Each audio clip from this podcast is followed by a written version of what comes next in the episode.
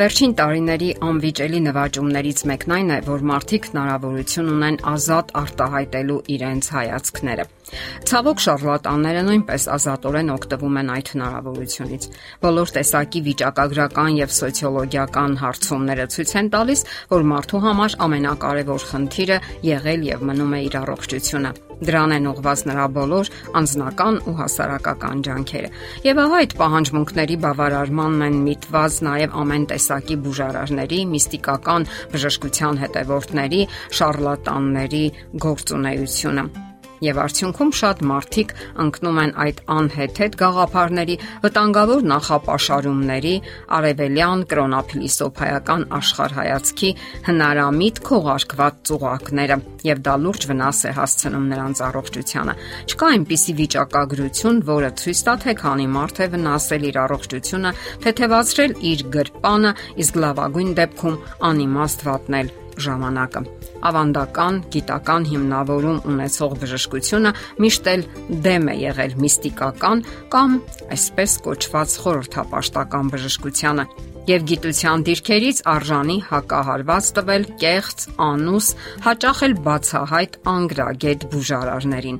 Վերջին ժամանակներում համատեղ հայտարարությամբ հանդես եկան ռուսաստանյան 32 գիտնականներ ու փիլիսոփաներ, լուրջ եւ ծանրակշիռ մեկնաբանություններով այն բանի վերաբերյալ, թե ինչպես պետք է գիտությունը պայքարի կեղծ գիտության եւ շարլատանների դեմ։ Այդ հայտարարության տակ ստորագրել էին աստղագետներ, ֆիզիկոսներ, քիմիկոսներ, կենսաբաններ, փիլիսոփաներ, իրավաբաններ, հոգեբաններ։ Նրանք մտահոգված էին, որ վերջին ժամանակներում լայնորեն տարածվում են այնպիսի կեղծ գիտություններ, ինչպիսիք են աստղագուշակությունը, այլընտրանքային բժշկությունը, խիրոմանտիան, որը գուշակությունն է ձեռքի ափի վրա, նումերոլոգիան, միստիկան եւ այլն։ Աստղագուշակությունն այնքան սովորական է դարձել, որ չենք էլ նկատում, թե ինչպես է իր պատվավոր տեղը զբաղեցրել բոլոր թերթերի ու ամսագրերի էջերում։ Այն սահմանում է մեր բնավորությունը, ներկան ու ապագան, տեղ չթողնելով, որ մարդը կարողանա մտածել, դատել, երազել։ Հասարակությունը չի էլ վիճարկում դա այնքան, որ ընտելացել է օկուլտային գուշակությունների հեղեղին։ Չինական, ճապոնական, առասպելական, հեքիաթային բանահյուսության ողջ խառնաշփոթության շիլան անվարժ լսարանին է մատուցվում իր կեղծ լուսե պսակով։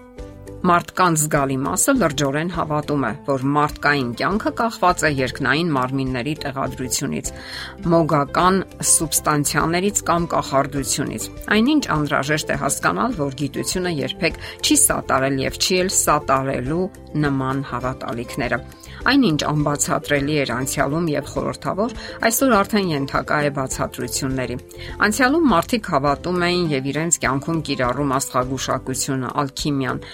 կաբալիստական միստիցիզմը եւ ոչ ավանդական բժշկությունը։ Այդ խավար ժամանակներում նման հավատալիքները աշխարհում տեղի ունեցող իրադարձությունների բացատրման առասպելական եւ միստիկական մոտեցումների կարևոր մասն էին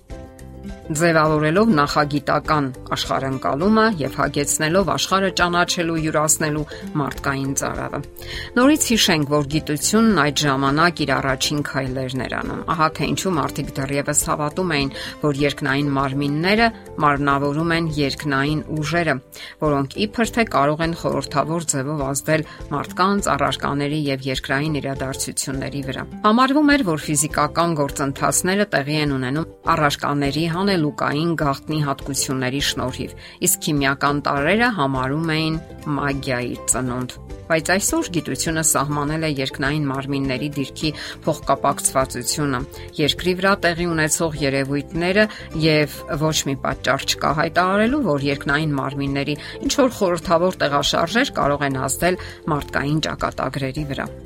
Այժմ անդրադառնանք այս հարցի բժշկական, կենսաբանական, հոգեբանական կողմին։ Ամենից առաջ հստակ ասենք, որ ըստ գիտական տվյալների մարդու հոգեֆիզիոլոգիական տեսակը կախված չէ մոլորակների կամ աստղերի տեղադրությունից, նրա ծննդյան վայրից, ծննդյան պահից եւ նա ամենից առաջ առանցություն է ստանում ծնողներից գենետիկական կոդի կամ այսպես ասած ծածկագրի միջոցով։ Իսկ բնավորությունը արդեն ձևավորվում է սոցիալական, մշակութային գործոնների ազդեցությամբ։ Սակայն աստղագուշակները միստիկական ձևով են մեկնաբանում երկրի գեոմագնիսական դաշտի եւ արեգակնային ակտիվության տատանումները, հայտարարելով, որ այդ գործոններն ազդում են մարդկանց կյանքի ու բարեկեցության վրա։ Հայտնի է, որ արեգակի բռնկումները եւ մագնիսական փոթորիկները իսկապես ազդում են մարդու առողջական վիճակի վրա, սակայն ոչ բնավորության կամ աշխարհայացքի վրա։ Կենթանի օրգանիզմների շուրջ իսկապես նկատվում է թույլ էլեկտրոմագնիսական ճառագայթում,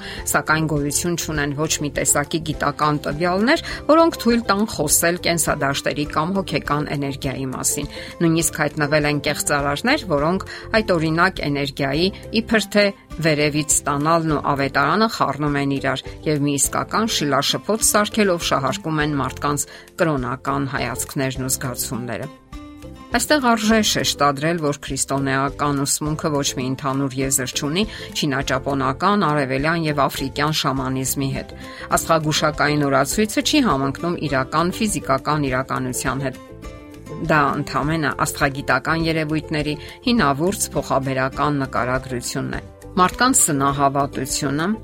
եւ ֆիզիկական երևույթների մարգարեական կանխագուշակումները ոչնչացնում է մարդու հավատը իր ուժերի հանդեպ եւ թույլ չի տալիս իրատեսորեն եւ սթափ գնահատելու կյանքը իր շուրջը տեղի ունեցող իրադարձությունները։ Այս բոլորը մարդուն դարձնում են ճակատագրապաշտ, անկամ եւ թուլակամ եւ վերջնական արդյունքում հերացնում ճշմարիտ քրիստոնեությունից։ Այնպես որ մենք մտածելու բան ունենք այս առումով։ Եթերում առողջ ապրելակերպ հաղորդաշարն է։ Հարցերի եւ առաջարկությունների համար զանգահարել 033 87 87 87 հեռախոսահամարով։